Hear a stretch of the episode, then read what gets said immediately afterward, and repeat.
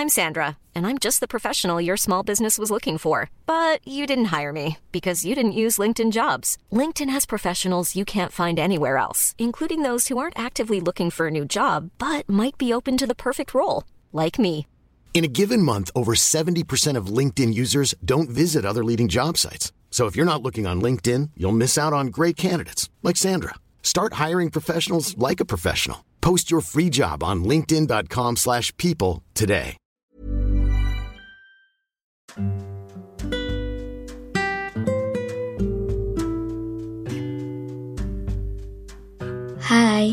Selamat datang di ruang cerita Rina Ilara. Sebelum episode ini dimulai, aku mau ngasih tahu kalau sekarang bikin podcast itu gampang banget.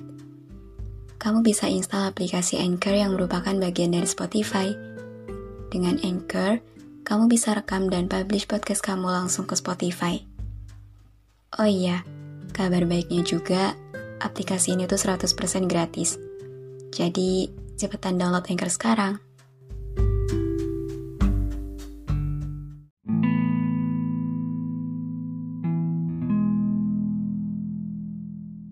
Keadaan lagi buruk ya. Lagi banyak masalah. Lagi banyak beban pikiran. Atau lagi banyak tekanan. Gak apa-apa. Gak salah buat ngerasain itu semua. Mungkin sekarang emang lagi giliran kita dapat ujian dari Tuhan. Biar kitanya gak lupa diri. Anggap aja sekarang Tuhan lagi kangen sama kita. Jadi Tuhan ngasih kita masalah, biar kita bisa luangin waktu buat inget Tuhan. Mungkin kemarin kita sempat lengah, sempat lalai, sempat jauh dari Tuhan. Jadi makanya sekarang Tuhan ngasih teguran biar kitanya nggak salah arah. Gak apa-apa tahu, Tuhan tuh seneng kalau kita curhat.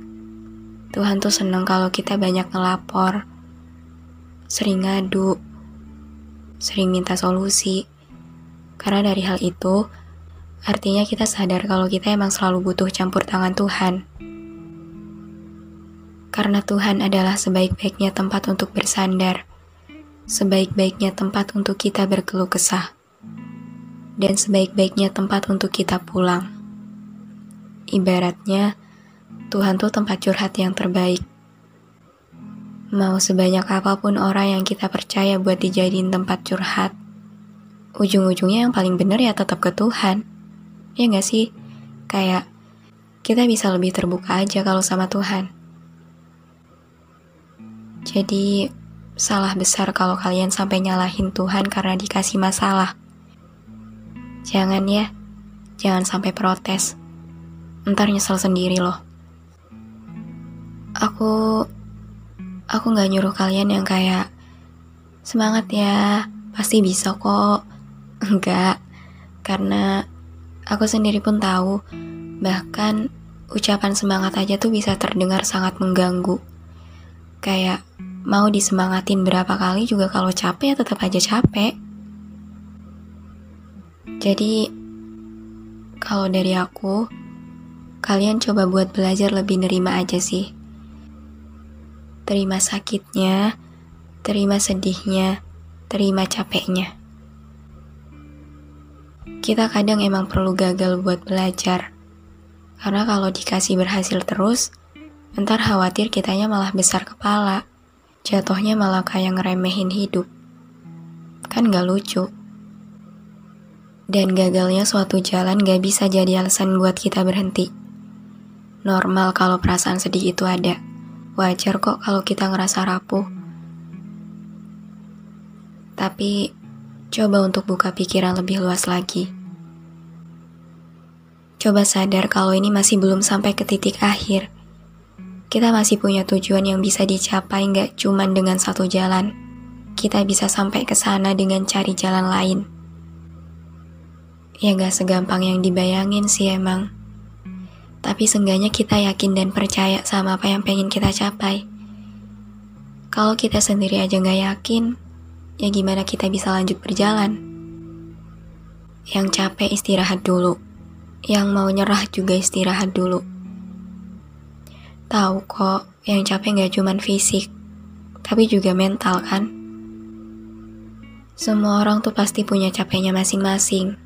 Jadi gak apa-apa buat ngerasain capek, gak apa-apa buat istirahat, sekalipun cuma sebentar. Jangan maksa buat jalan terus, karena rehat pun juga bagian dari perjalanan kok. Gak apa-apa buat gak baik-baik aja, karena hidup gak selamanya tentang bahagia. Gak ada manusia yang gak pernah sedih. Gak ada manusia yang gak punya masalah. Mau sekaya apa pun, mau seenak apa pun hidupnya, semua orang tuh pasti punya problemnya masing-masing. Karena ya ini kehidupan. Sedih, bahagia, kecewa, itu udah jadi bagian pasti dalam kehidupan. Jadi gak mungkin ada orang yang gak pernah ngerasain itu. Dan Ya balik lagi, kita tetap manusia yang memang pada dasarnya lemah. Jadi, jangan nuntut diri sendiri buat kuat terus. Yang ada cuma nambah-nambahin capeknya kan? Kita berhak kecewa. Kita berhak untuk lelah. Kita berhak untuk sedih. Kita berhak punya ketiga rasa tak menyenangkan tersebut. Kita juga berhak ngaku. Kita boleh bilang kalau kita capek. Gak apa-apa, Tuhan gak bakal ngetawain. Dan tolong, tolong buat gak melulu nyalahin keadaan. Jangan terus-terusan nyalahin diri sendiri juga. Coba deh, maafin diri sendiri dulu. Maaf atas segala lelah yang gak kehitung, segala harapan yang belum kesampaian, dan segala luka yang masih gak kunjung sembuh. Jangan lupa juga buat bilang makasih sama diri kamu sendiri dia hebat banget loh masih mau nemenin kamu sampai sekarang kan? Jadi intinya, sekarang kita mesti sama-sama lebih paham bahwa jatuh dan gagal itu pasti ada dalam perjalanan hidup. So sometimes, it's okay to not be okay because we are only human. And maaf kalau makin ke sini dunia sekitar makin jahat sama kamu. Maaf kalau makin ke sini makin sedikit yang bisa ngertiin kamu. Maaf kalau makin ke sini makin banyak yang harus kamu hadepin sendirian.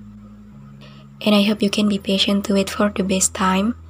Karena percaya deh, cepat atau lambat semuanya akan membaik.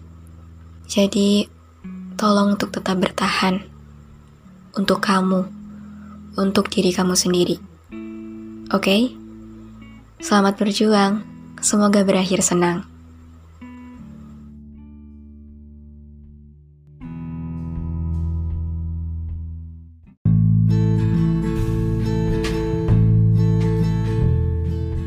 Terima kasih banyak udah dengerin episode ini. Terima kasih udah mampir ke ruang cerita yang gak sempurna ini. Semoga kalian senang ya datang ke sini. Anyway, jangan lupa follow podcast Rina Ilara ya. Sekalian, aktifin lonceng notifikasinya juga. Biar nanti kalau aku mau cerita lagi, kalian bisa cepet-cepet dengerin. Biar kalian gak ketinggalan sama episode-episode baru di ruang cerita ini. Udah segitu dulu aja. See you on the next episode. Bye.